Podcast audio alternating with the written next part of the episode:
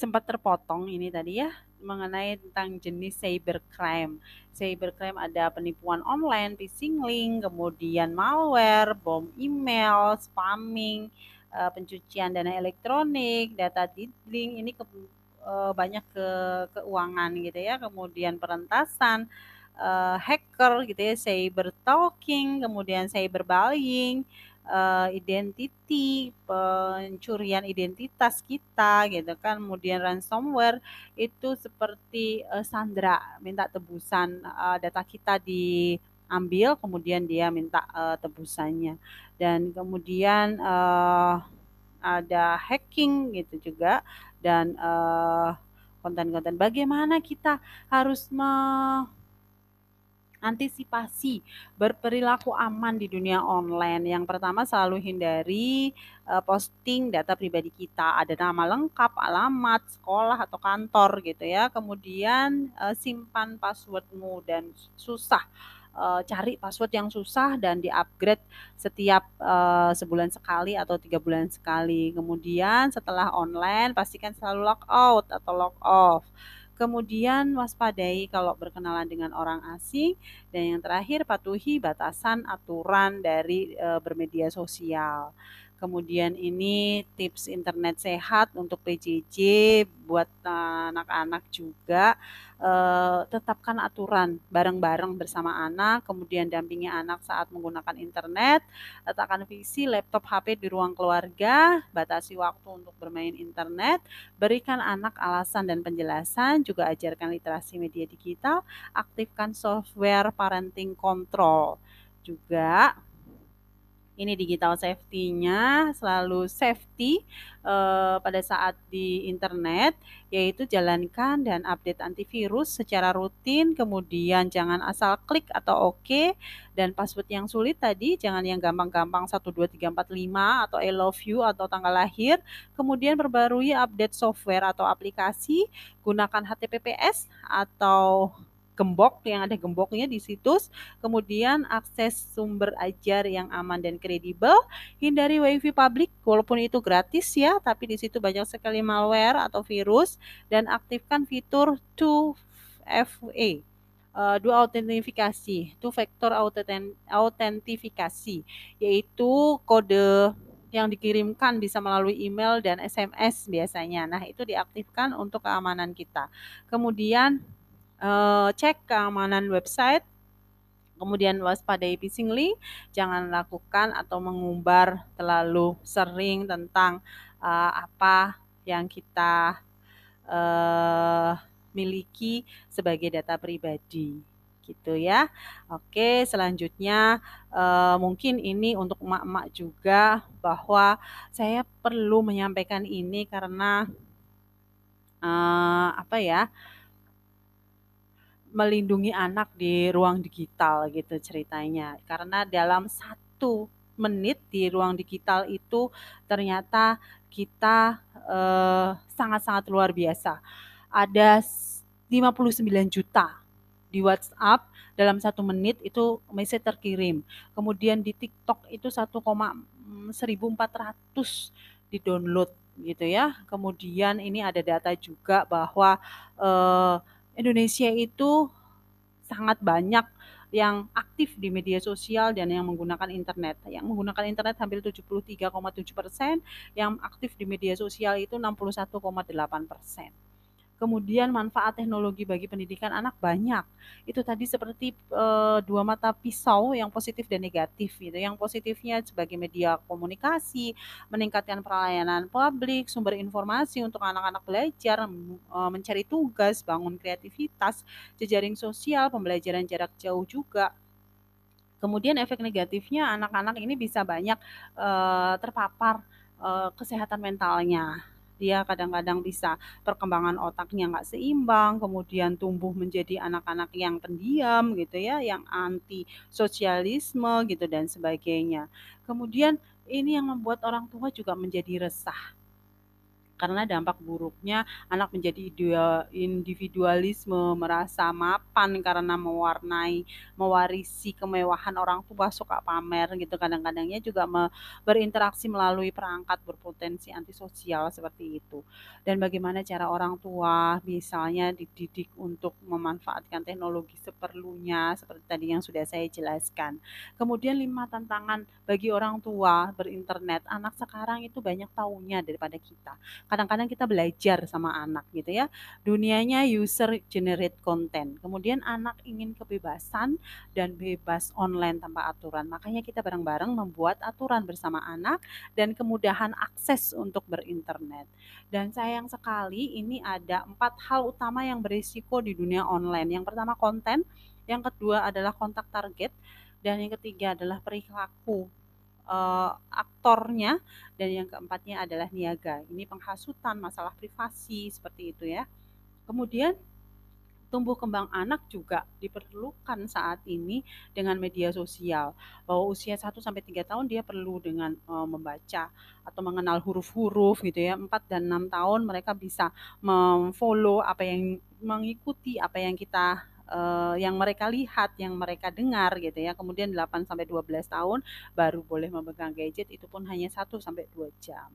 Dan ini tips mendidik anak di era digital, membatasi waktu penggunaan gadget, jadilah panutan yang baik. Kalau ibunya membuat status yang jelek, pasti anaknya juga niru. Gampang banget kok sebenarnya anak itu ngedidik anak. Jadilah teladan anak jangan pernah menggunakan gadget sebagai alat penenang emosi. Udah deh diam aja loh berisik aja nih HP gitu kan biasanya. Jadi nggak boleh seperti itu ya. Kemudian menjebatani kesenjangan komunikasi karena komunikasi sekarang saat ini susah, bikin grup aja komunikasi saja di ruang digital. Menciptakan zona bebas teknologi di rumah. Suatu hari, satu hari aja bebas kita menggunakan gadget gitu ya. Orang tua dan guru harus dapat berkolaborasi karena saat ini PJJ banyak orang tua yang mengeluhkan anak saya gimana. Guru juga mengeluhkan saya nggak pernah lihat nih karakter anak saya gimana gitu ya. Kemudian tanamkan etika di era digital, temani dampingi anak pada saat dia belajar online. Itu harus. Kemudian tadi sudah saya jelaskan juga kita perlu adanya pembatasan waktu pada saat dia belajar, kemudian tidak menyebarkan hal-hal yang privasi secara uh, vulgar begitu ya, banyak di uh, media sosial atau di platform yang lainnya. Kemudian privasi anak di dunia maya itu sangat sekarang banyak sekali terjadi karena orang tuanya malah bangga kalau dia memposting foto anaknya yang wow gitu ya. Itu hati-hati. Jadi jangan sampai ada uh, privasi-privasi anak yang disebarkan justru sama orang tua di dunia maya. Kemudian ini dia jangan takut berinternet dengan adanya cybercrime, jangan adanya bagaimana pembatasan anak melalui ini. Jadi saya takut deh fobia sama internet nggak perlu, tapi orang tua adalah sumber kebahagiaan utama bagi anak. Jadi dampingi uh, buka komunikasi selebar-lebarnya untuk anak bisa bercerita. Masukkan ke dunia online anak, kemudian buatlah aturan bersama anak, ajarkan anak untuk menjaga privasinya di dunia digital terutama. Kemudian jangan abaikan lokasi, lokasi itu ya jadilah sahabatnya dan semuanya harus seimbang. Kemudian dampingi anak dalam dunia digital pada saat dia belajar, bermain gitu ya, harus batasi waktu juga dan sebagainya. Ini penting sekali untuk uh, orang tua. Kalau orang tua juga masih ragu, masih uh, khawatir begitu ya, bisa beberapa aplikasi pengamanan dipakai uh, untuk uh, di HP-nya anak atau di HP orang tua sendiri. Jadi mengamankan dari konten-konten negatif dengan jalan fitur pengamanan uh, perangkat baik melalui aplikasi ISP ataupun DNS. Kemudian parenting control bisa pakai NetNanny, Kakatu dan Cool Studio. Ini bisa di-download di Play Store dan juga uh, blog blocking situs uh, bahaya dengan DNS Nawala, juga antivirus, gunakan antivirus dan update terus antivirusnya. Kemudian penggunaan software-software yang uh, memang untuk k9webprotection.com misalnya, kemudian untuk penggunaan software Kit Rocket itu untuk penggunaan software-software uh, anak-anak. Jadi ini sudah saya sampaikan bagaimana emak, bagaimana ibu-ibu harus uh, sadar, harus melek digital, apalagi terhadap anak-anak kita yang uh, tantangannya tadi sudah luar biasa sekali bahwa anak makin tahu lebih banyak taunya daripada kita. Kita uh, banyak belajar justru dari anak-anak begitu ya. Jadi bagaimana kita harus menyikapi di dunia digital bagaimana kita harus tahu empat pilar dari uh, literasi digital itu dan ini nanti bisa disampaikan ke anak-anak. Semoga nanti bisa menginspirasi apa yang emak keluhkan, apa yang menjadi uh, emak keluhkan tapi mempunyai mempunyai solusi.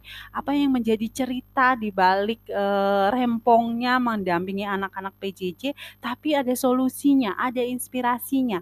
Itu nanti akan uh, menjadi sebuah buku yang uh, sangat membantu orang tua yang lainnya bagaimana menyikapi uh, saat ini di dunia digital begitu ya. Itu sebagai uh, pengantar bahwa emak juga bisa melek digital. Dengan adanya literasi digital diharapkan uh, bisa diberikan juga pembelajaran ke anak-anak. Bagaimana kita harus bersikap beretika menjadi um, keamanan sehat dan aman di dunia digital, berbudaya di dunia digital, dan beretika di dunia digital. Oke, begitu saja. Terima kasih. Uh, nanti kita akan ketemu lagi di materi berikutnya. Assalamualaikum warahmatullahi wabarakatuh. Ketemu lagi kita ke materi yang kedua ya. Uh, sebelum saya memberikan uh, materi utamanya yaitu bagaimana menulis kisah inspirasi atau inspiratif saya mau menceritakan dulu nih tentang gimana sih sebenarnya emak itu harus melek digital gitu ya. Karena saat ini mau nggak mau kita harus menghadapi nih yang namanya digitalisasi gitu ya ceritanya gitu kan. Nah, di dalam uh, era digital saat ini atau saya bilang dunia digital saat ini dari uh, program Kominfo Kementerian komunikasi dan informatika di Indonesia, mereka sudah punya platform yang namanya literasi digital. Jadi eh, tahun kemarin saya banyak berkecimpung di dunia literasi, tapi literasi secara konvensional. Saya berpikir saat ini kan banyak yang sudah berubah ya, harus uh, berada atau kita harus sudah siap yang uh, mana kita ada di dunia digital jadi uh, saya mencoba tahun ini untuk uh, belajar banyak dan juga menebarkan tentang literasi digital. Kebetulan saya itu sebagai narasumber nasional tetap dari program Kominfo tentang literasi digital. Jadi hampir tiap hari saya um, ada webinar sebagai narasumber untuk uh, program atau event dari Kementerian Kominfo ini tentang literasi digital. Dari Kominfo sendiri itu ada empat pilar dari literasi digital. Yang pertama ada digital skill atau keterampilan atau kecakapan digital, kemudian yang kedua digital culture atau uh, budaya digital, yang ketiganya adalah digital ethics atau etika kita di dunia digital, dan yang keempatnya adalah digital safety yaitu keamanan dan kesehatan dalam aman dan sehat dalam uh, dunia digital gitu. Itu selalu digaung-gaungkan empat pilar ini setiap kali webinar selalu ada entah uh, temanya tentang apa yang berhubungan dengan digital tetapi selalu membawakan uh, dengan empat pilar ini. Kemudian uh, digital literasi juga itu sebenarnya sangat-sangat dibutuhkan pada uh, saat ini untuk uh, baik dari usia remaja, uh, apalagi emak-emak yang saat ini mendampingi anak-anaknya untuk belajar secara online gitu ya, uh, perlu banyak sekali apa itu skill, keterampilan, kemudian bagaimana etikanya di dunia digital, kemudian keamanannya bagaimana, juga budayanya gitu ya. Kita akan bahas satu-satu cara pelan-pelan dulu ya, uh, digital skill dulu atau keterampilan digital. Ini apa sih keterampilan digital? Jadi pada saat ini digital itu kan e, perubahan. E, kita melakukan aktivitas sehari-hari dengan sebuah perangkat gitu ya, yang tadinya analog jadi e, digital gitu. Dan perlu sebuah teknologi gitu kan. Uh, kayak gadget itu alatnya ya, gadget atau smartphone gitu ya, kemudian uh, komputer, uh, laptop gitu ya. Jadi uh, kita harus mampu uh, memahami atau memiliki kemampuan tentang uh, ilmu atau wawasan penggunaan dari perangkat digital itu sendiri. Bagaimana kita memiliki skill atau keterampilan menggunakan HP, menggunakan laptop gitu kan. Kemudian yang keduanya juga kita harus memahami dan terampil menggunakan media sosial dan kegunaannya seperti apa. Karena kita sosialisasi saat ini apalagi uh, pandemi Covid-19 benar-benar sosialisasi kita yang biasanya kita suka berkerumun sekarang ini uh, dilarang atau dibatasi gitu ya untuk berkerumun. Jadi mau nggak mau kita perlu sebuah wadah atau media untuk sosialisasi. Jadi kita juga perlu tahu nih etikanya gimana juga harus uh, berada di media sosial gitu. Selain itu juga uh, banyak juga pendukungnya dari perangkat-perangkat digital ini. Kita nggak bisa ngapa-ngapain kalau kita nggak pakai aplikasinya atau softwarenya.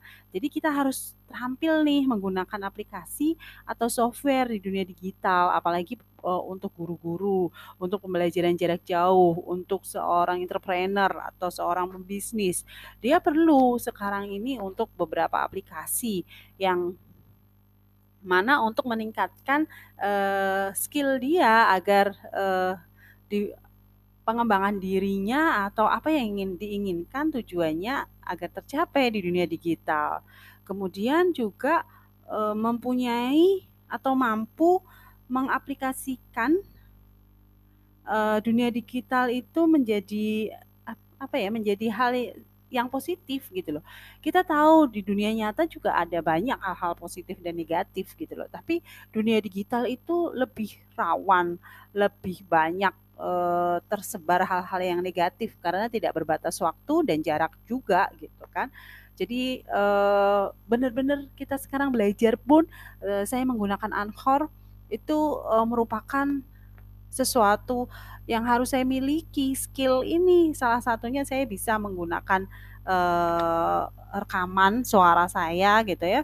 Jadi uh, ini yang harus uh, ini adalah bukti salah satu bukti bahwa uh, kita harus mampu me tetap produktif dan bisa tetap kreatif. Bagaimana kita bisa belajar di mana saja. Kemudian juga kita belajar atau mampu berinteraksi dan berkomunikasi di dunia digital. Pada saat awal pandemi itu biasanya saya ngajar di depan kelas, ketemu sama mahasiswa saya gitu. Tapi saat pandemi awal-awal itu saya harus belajar eh, ngomong atau ngajar di depan kamera di mana itu membuat saya kagok, saya nggak tahu ekspresi mahasiswa saya, saya pun juga nggak tahu nih saya harus seperti apa ngomongnya gitu kan. Jadi uh, saya meningkatkan skill saya dengan banyak belajar, banyak ikut pelatihan dan sebagainya. Jadi kita saat ini mau nggak mau sadar nggak sadar harus wajib berada di dunia digital dan saat ini kita harus bisa menyesuaikan diri dengan perkembangan teknologi itu Sebenarnya gampang kok, intinya di dunia digital itu mengunduh, download gitu ya, mengunggah, upload, menggugah ini yang kadang-kadang sering kita lupa. Menggugahnya ini ya membuat kita terinspirasi atau memberikan inspirasi kepada orang lain. Dan juga kita harus produktif, tidak hanya konsumtif saja, lihat TikTok, downloadin share TikTok gitu ya WA juga uh, hanya share-share dari postingan orang. Kenapa kita nggak coba untuk membuat status-status yang mengedukasi, membuat status-status yang positif yang bisa bermanfaat buat orang lain gitu kan? Uh, sebenarnya itu sih kecanggihan atau apa yang harus kita uh, perbuat gitu ya. Seperti ini mengupload uh, rekaman suara saya, saya mau menggunakan apa nih gitu kan. Yang paling gampang sih simple memang pakai Anchor. Jadi uh, bisa didengarkan kapan saja gitu ya, nggak perlu harus uh, melihat videonya, tapi uh, bisa jadi sambil masak lihat uh, slide-nya atau dengerin saja gitu bisa tanpa banyak kuota di sini nggak perlu hmm, download aplikasi Anchor-nya. Tinggal klik saja sudah bisa masuk ke Anchor-nya. Kalau dibandingkan dengan YouTube yang harus pakai video, downloadnya lama, juga memakan waktu kuota, saya membuatnya juga agak lama karena di situ harus ada editing, video editingnya gitu. Jadi saya memilih eh, platform-platform untuk pembelajaran itu tergantung dari eh, saya lebih simpelnya yang mana dan enaknya seperti apa. Yang paling gampang itu kan biasanya pakai voice note ya. Kalau voice note itu uh, saya kurang ini uh, karena bisa hilang. Tapi kalau di Anchor uh, saya sudah rekam seperti ini, saya bisa berikan uh, kepada yang lainnya atau orang lain yang mau belajar bisa uh, bisa melihat link-link saya yang ada di Anchor. Kemudian skillnya kalau mak-mak milenial itu harus apa sih? Minimal desain grafis pakai PicsArt atau pakai edit uh, foto yang ada di aplikasi uh, Android juga bisa. Untuk apa? Karena membantu anak-anak kita yang sedang belajar online biasanya harus kirim foto gitu ya di kolase. Nah, itu dia. Simpelnya seperti itu. Nggak usah mikir harus pakai Corel, harus pakai Photoshop enggak. Saya pun kalau lagi males uh, ada tugas anak pakai uh, edit editor yang ada di uh, bawaan dari HP saja gitu. Atau kalau kita mau rada-rada uh, canggih gitu ya, pakai PicsArt atau pakai Canva itu bisa.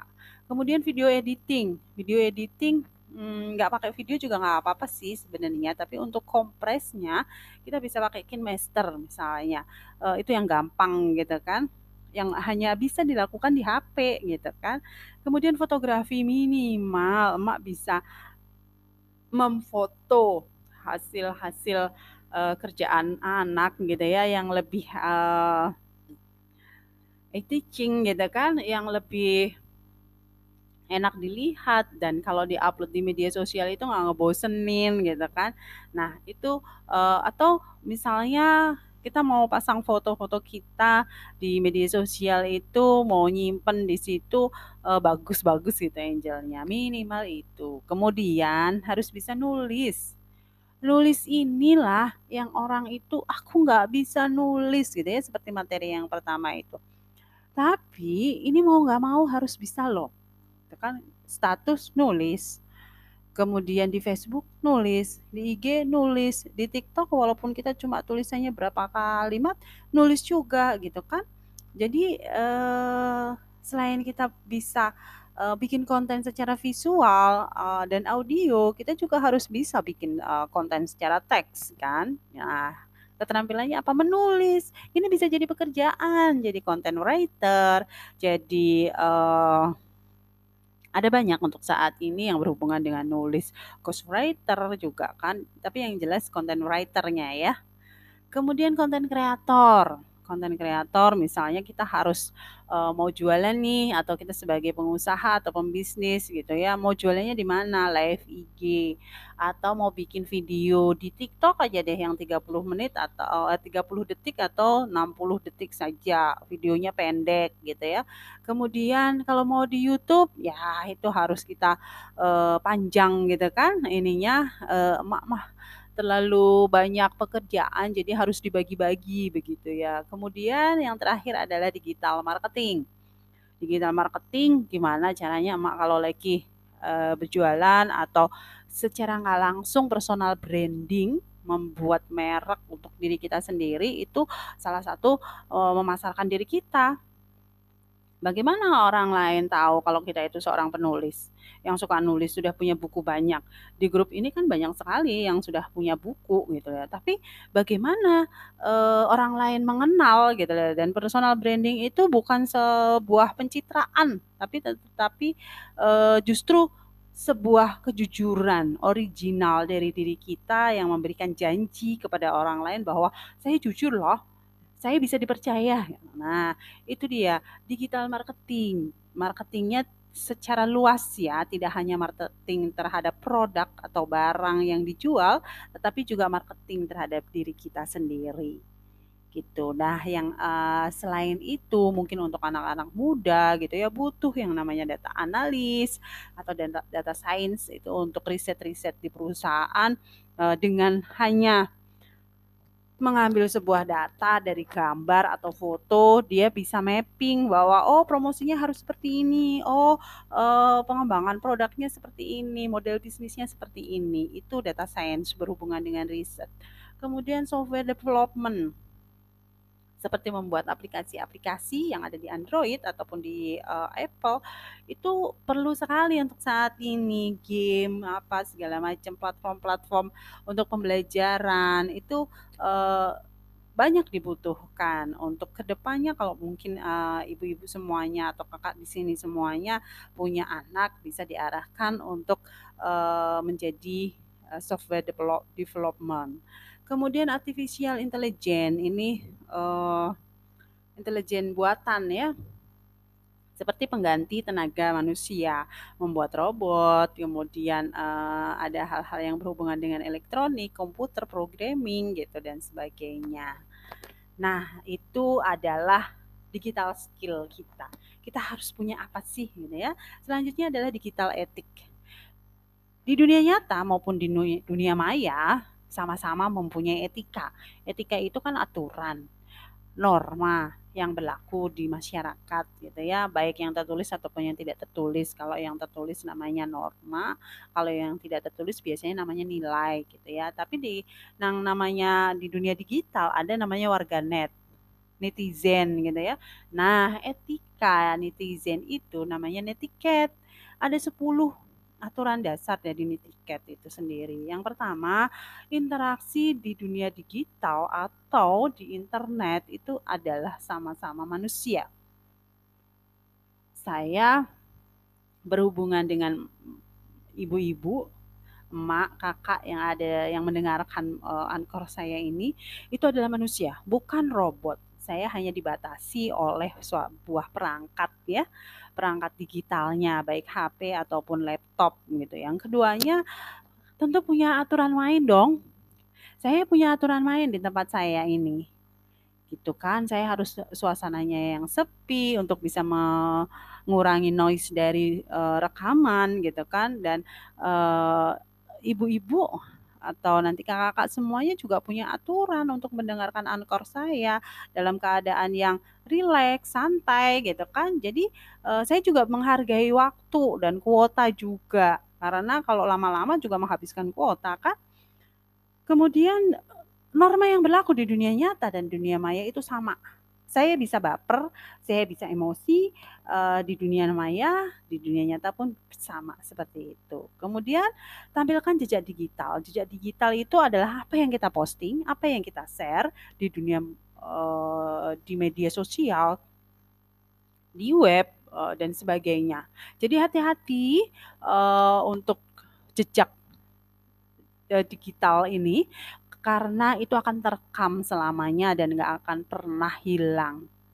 Jadi kalau ibu-ibu, emak-emak lagi posting sesuatu jangan yang galau, jangan yang mencaci maki orang, apalagi yang mengandung hate speech atau ujaran kebencian, kemudian mengandung hoax, itu akan berbahaya, melanggar undang-undang ITE dan juga secara pribadi melanggar etika atau eh, netiket dan satu lagi itu akan terekam selamanya selama media sosial atau aplikasi itu ada.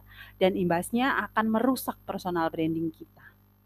Merek diri kita yang sudah kita bangun secara lama e, dengan proses yang berliku gitu ya tiba-tiba hancur seketika pada saat kita satu saja mengucapkan satu kalimat saja mengucapkan hal-hal yang negatif itu akan merusak semuanya.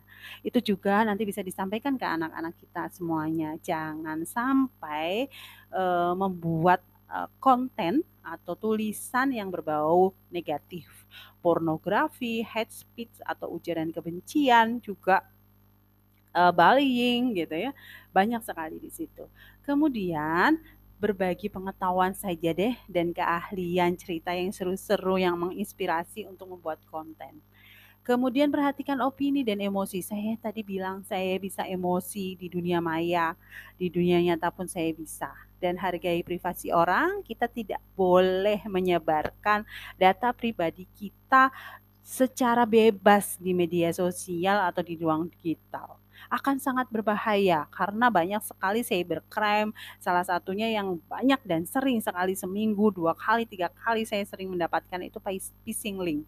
Phishing link itu mengarahkan kita untuk klik uh, sebuah link dan di dalamnya itu biasanya kalau tidak uh, ke link atau URL dari sebuah situs yang tidak berguna, kadang-kadang porno, juga untuk uh, mengarahkan kita masuk di uh, sebuah form yang di situ diminta untuk uh, nama, nomor KTP. Nah, itu sudah nggak boleh seperti itu. Itu pengelabuan dan nanti akibatnya adalah penipuan.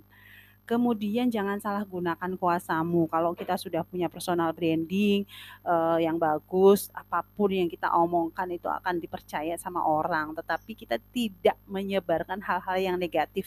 Oh, audiens saya sudah sudah percaya kok sama saya, saya mau ngomong apa saja pasti dia nurut gitu ya. Dan kemudian jadilah seorang pemaaf di dunia maya pun perlu orang-orang yang minta maaf. Kemudian ini yang selalu saya kampanyekan kalau mau memposting atau sharing cobalah untuk berpikir dulu. Mikir dulu, pikir. Ada singkatannya itu P-nya apakah konten atau informasi tulisan saya yang saya sampaikan itu penting Hmm, penting nggak sih? Kalau penting, ya boleh diposting gitu ya. Apakah informasi atau konten yang saya buat ini yang akan saya posting informatif? Artinya memberikan informasi, informasi dari orang yang nggak tahu jadi tahu. Kalau itu boleh di-share. Kalau itu diterima, boleh itu. Kemudian apakah informasi atau konten yang saya share, saya posting mengandung kebaikan? Yang saya terima informasi mengandung kebaikan? Kalau enggak, ya nggak usah di-share, nggak usah diterima. Abaikan saja gitu kan. Kemudian I-nya, apakah informasi yang saya sampaikan atau saya posting memberikan inspiratif? Inspirasi, memberikan sebuah pemikiran kalau orang itu baca atau orang itu lihat, mengubah pikirannya dan akhirnya melakukannya. Dan R-nya yang terakhir adalah apakah informasi atau konten yang saya sampaikan itu adalah realitas. Sesuai dengan apa kondisi saya sekarang, relevan dengan apa yang sekarang, bukan hoax, bukan ujaran uh, kebencian, bukan hal-hal yang negatif. Kemudian kalau dari bahasa Inggrisnya ada thing pikir juga gitu ya. T-nya itu apakah benar? True. H-nya apakah helpful? Apakah informasi atau konten ini membantu? Konten itu saya bilang informasi atau konten gitu ya. Konten itu adalah informasi digital. Informasi digital boleh bentuknya teks, boleh bentuknya video, audio, ini audio suara saja, ini konten juga. Kemudian kita kembali lagi ke ting. T H I I-nya apakah itu inspiring atau ilegal? Ilegal itu uh, apakah punya hak uh, punyanya orang kita ambil kita comot gitu kan? Itu nggak boleh sebenarnya. Hmm, semua tulisan itu ada hak ciptanya. Makanya kalau mungkin status juga kasih nama. Biar orang yang mengecek sumbernya ini benar nggak sih tulisan ini tulisan Dianika Pramayanti saya cek deh di Google Nah, itu bisa akan keluar siapa diri saya. Kemudian N-nya adalah it is necessary, butuh dengan informasi itu dan K-nya yang terakhir adalah kind. Jadi kalau kita ketemu sama konten-konten negatif, konten-konten yang mengandung hoax, ujaran kebencian, kebohongan, sebenarnya bisa loh dilaporkan. Eh, yang pertama bisa dilaporkan ke aduan konten at gmail uh, .kominfo.go.id atau di WA ini nanti bisa dilihat WA-nya saya tidak menyebutkan nomornya ya. Nah, nanti bisa ada di slide saya. Ya, di screenshot atau linknya uh, di apa ya linknya diklik atau kemudian dikopikan di WA atau SMS bisa di situ. Jadi untuk etikanya gimana kita ada di dunia digital, apalagi semuanya di sini adalah mak-mak yang nulis, suka nulis dan penulis, selalu saring sebelum sharing. Jangan sampai postinganmu berdampak buruk ke reputasi atau karirmu ke depannya. Karena apa yang kamu share adalah menunjukkan diri Anda sendiri. You are what you share. Ya, jadi apa yang Anda share, apa yang Anda posting, itulah diri Anda. Gitu ya, dan ini posting yang penting bukan yang penting posting. Sebelum sharing, saring dulu karena konten yang baik belum tentu benar uh, enggak semua konten yang benar bisa disebar. Hmm, hati-hati ya. Konten yang benar belum tentu bermanfaat. Jadi bagaimana kita juga harus bisa menangkal hoax gitu ya. Biasanya menangkal hoax itu satu cross check sumbernya. Apakah benar nih dibaca secara keseluruhan. Kemudian cross check uh, sumbernya ada nggak sih penulisnya siapa. Nanti kalau ada tinggal klik di Google namanya siapa akan keluar kemudian cross check situs atau informasi yang serupa dengan itu. Jangan jangan mudah percaya bahwa ini benar enggak, tapi harus cross check dulu.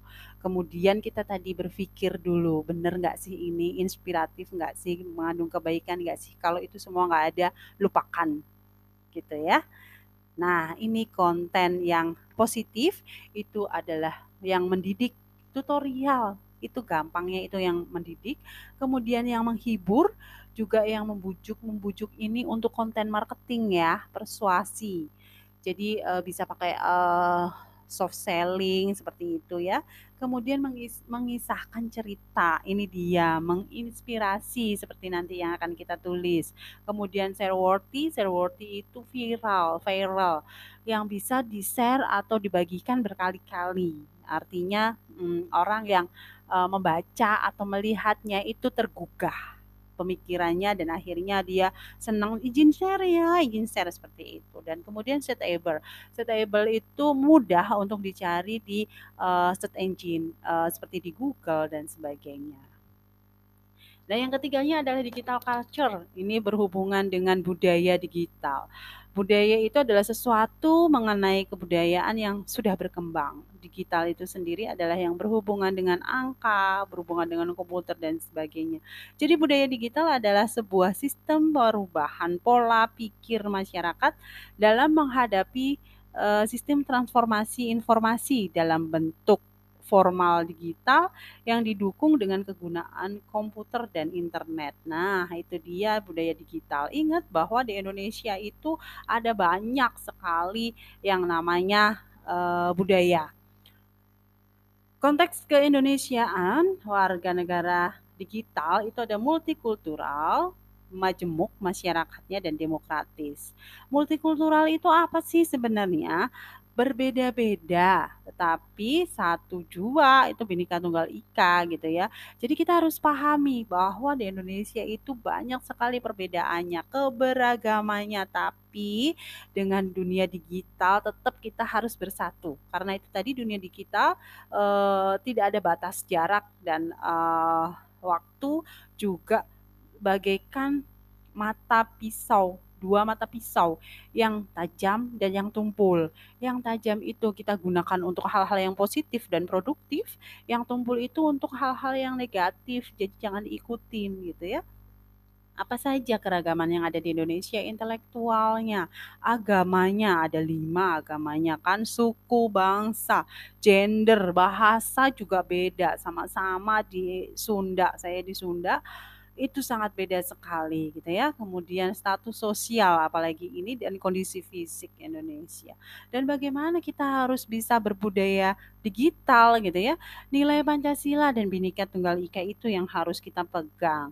Apa pun yang kita uh, kerjakan, apa pun yang kita lakukan di dunia digital harus ingat berpegang pada Bhinneka Tunggal Ika bahwa kita beragam, berbeda-beda, tetapi kita tetap satu dan juga nilai-nilai Pancasila harus tetap diimplementasikan, uh, diaplikasikan di dunia uh, digital gitu.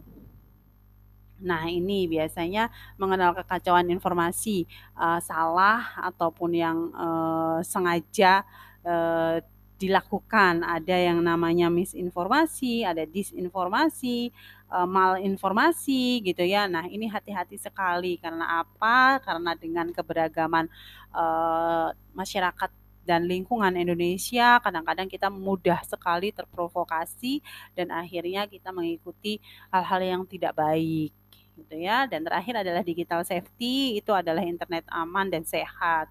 Amannya kenapa? Amannya itu bahwa apa yang kita lakukan di dunia digital, apa yang kita gunakan di internet itu melindungi diri sendiri dan juga orang lain. Sehat juga tidak melanggar undang-undang ITE dan juga eh, tidak menyebarkan hal-hal yang negatif seperti hoax, kebohongan gitu ya. Kenapa? Karena di dunia digital juga ada yang namanya cybercrime. Saya mendapatkan data ini eh, bahwa cybercrime yang tertinggi itu berada di eh, perangkat desktop ataupun laptop, kemudian di ponsel dan jumlah kejahatan di Indonesia semakin meningkat dan konten negatif yang terbanyak itu adalah penipuan. Dan platform yang banyak terpapar oleh cybercrime itu adalah WA, kemudian Instagram, eh, dan Facebook. Yang paling banyak itu WA. Tadi saya bilang saya mendapatkan phishing link itu seminggu bisa dua kali sampai tiga kali. Jadi hati-hati. Jadi ini ada eh, berdasarkan penelitian saya gitu ya, pengamatan saya jenis-jenis cybercrime yang ada di dunia digital itu saya mendapatkannya ada 15 ada penipuan, ada phishing link seperti tadi ada malware. Malware itu uh, seperti trojan, virus gitu ya, bom email. Sempat terpotong ini tadi ya mengenai tentang jenis cybercrime. Cybercrime ada penipuan online, phishing link, kemudian malware, bom email, spamming, uh, pencucian dana elektronik, data diddling, ini uh, banyak ke keuangan gitu ya, kemudian perentasan, uh, hacker gitu ya, cyber talking, kemudian cyber bullying, uh, identity, pencurian identitas kita gitu kan, kemudian ransomware itu seperti uh, Sandra minta tebusan uh, data kita diambil, kemudian dia minta uh, tebusannya, dan kemudian uh, ada hacking gitu juga dan uh, konten-konten bagaimana kita harus me Antisipasi berperilaku aman di dunia online. Yang pertama selalu hindari uh, posting data pribadi kita, ada nama lengkap, alamat, sekolah atau kantor gitu ya. Kemudian uh, simpan passwordmu dan susah uh, cari password yang susah dan di-upgrade setiap uh, sebulan sekali atau tiga bulan sekali. Kemudian setelah online pastikan selalu log out atau log off. Kemudian waspadai kalau berkenalan dengan orang asing dan yang terakhir patuhi batasan aturan dari e, bermedia sosial. Kemudian ini tips internet sehat untuk PJJ buat anak-anak juga. Eh, tetapkan aturan bareng-bareng bersama anak, kemudian dampingi anak saat menggunakan internet, letakkan visi laptop HP di ruang keluarga, batasi waktu untuk bermain internet, berikan anak alasan dan penjelasan, juga ajarkan literasi media digital, aktifkan software parenting control. Juga ini digital safety-nya selalu safety uh, pada saat di internet, yaitu jalankan dan update antivirus secara rutin, kemudian jangan asal klik atau oke, okay, dan password yang sulit tadi jangan yang gampang-gampang 1, 2, 3, 4, 5 atau I love you atau tanggal lahir, kemudian perbarui update software atau aplikasi, gunakan HTTPS atau gembok yang ada gemboknya di situs, kemudian akses sumber ajar yang aman dan kredibel, hindari wifi publik walaupun itu gratis ya, tapi di situ banyak sekali malware atau virus dan aktifkan fitur 2FA uh, dua autentifikasi, two factor autentifikasi, yaitu kode yang dikirimkan bisa melalui email dan SMS biasanya. Nah, itu diaktifkan untuk keamanan kita.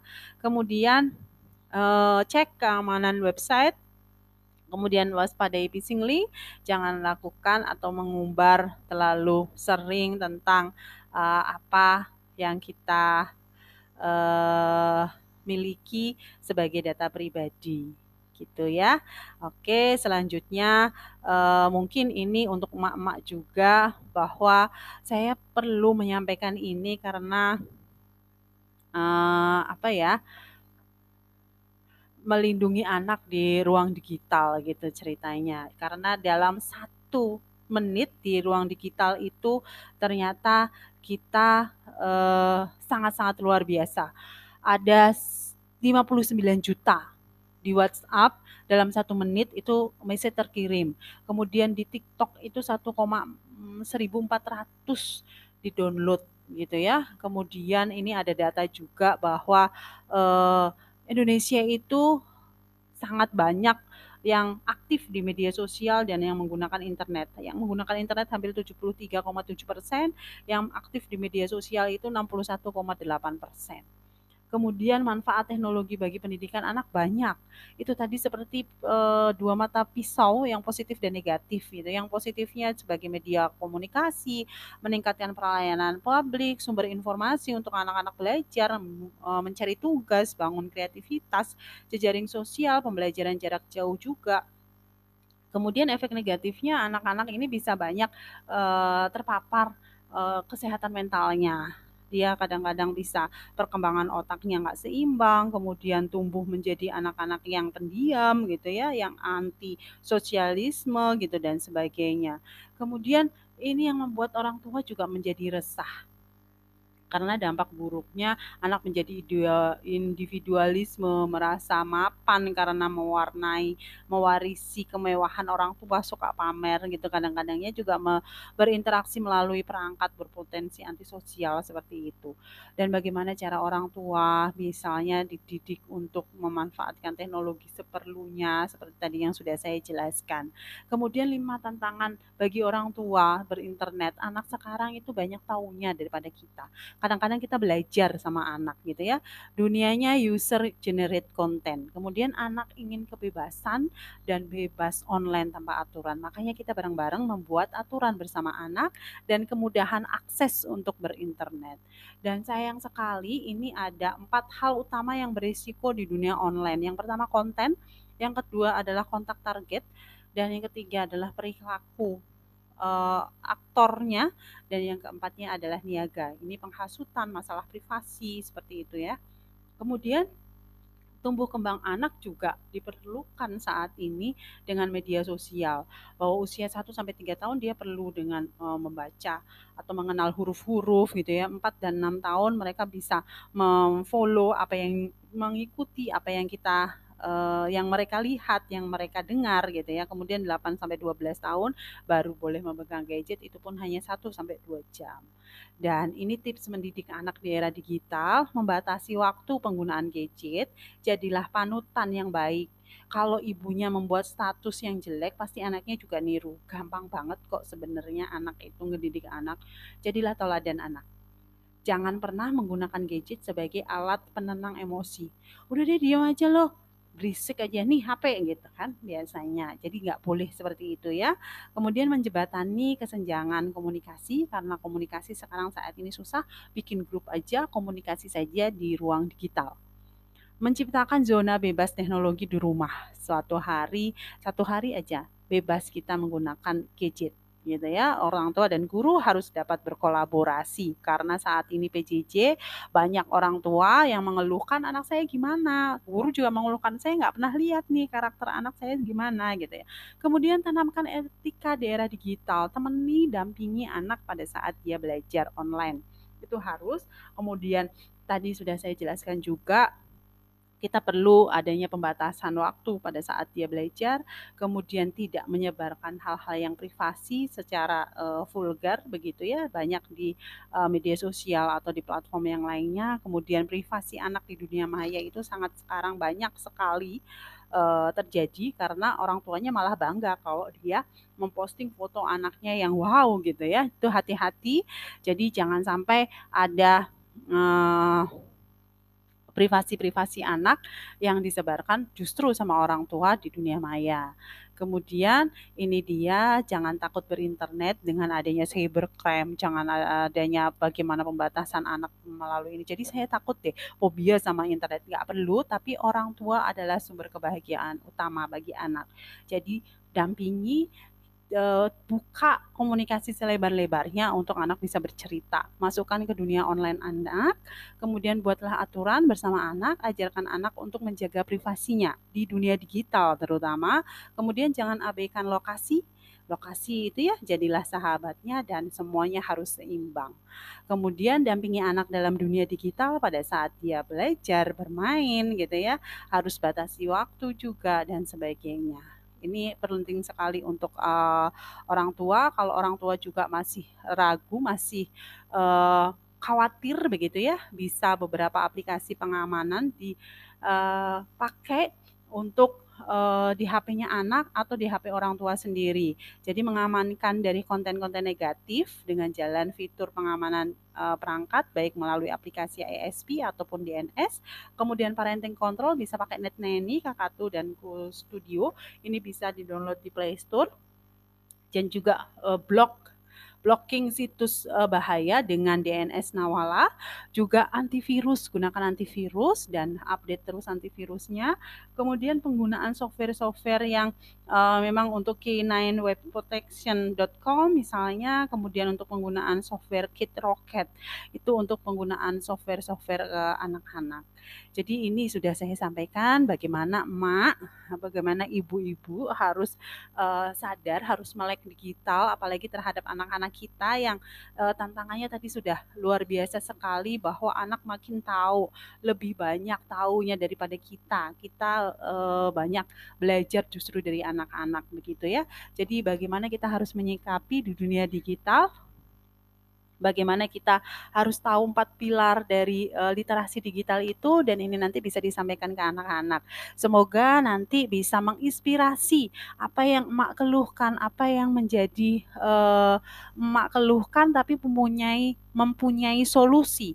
Apa yang menjadi cerita di balik uh, rempongnya mendampingi anak-anak PJJ, tapi ada solusinya, ada inspirasinya. Itu nanti akan uh, menjadi sebuah buku yang uh, sangat membantu orang tua yang lainnya bagaimana menyikapi uh, saat ini di dunia digital begitu ya itu sebagai uh, pengantar bahwa emak juga bisa melek digital. Dengan adanya literasi digital diharapkan uh, bisa diberikan juga pembelajaran ke anak-anak bagaimana kita harus bersikap beretika menjadi um, keamanan sehat dan aman di dunia digital, berbudaya di dunia digital, dan beretika di dunia digital. Oke, begitu saja. Terima kasih. Uh, nanti kita akan ketemu lagi di materi berikutnya.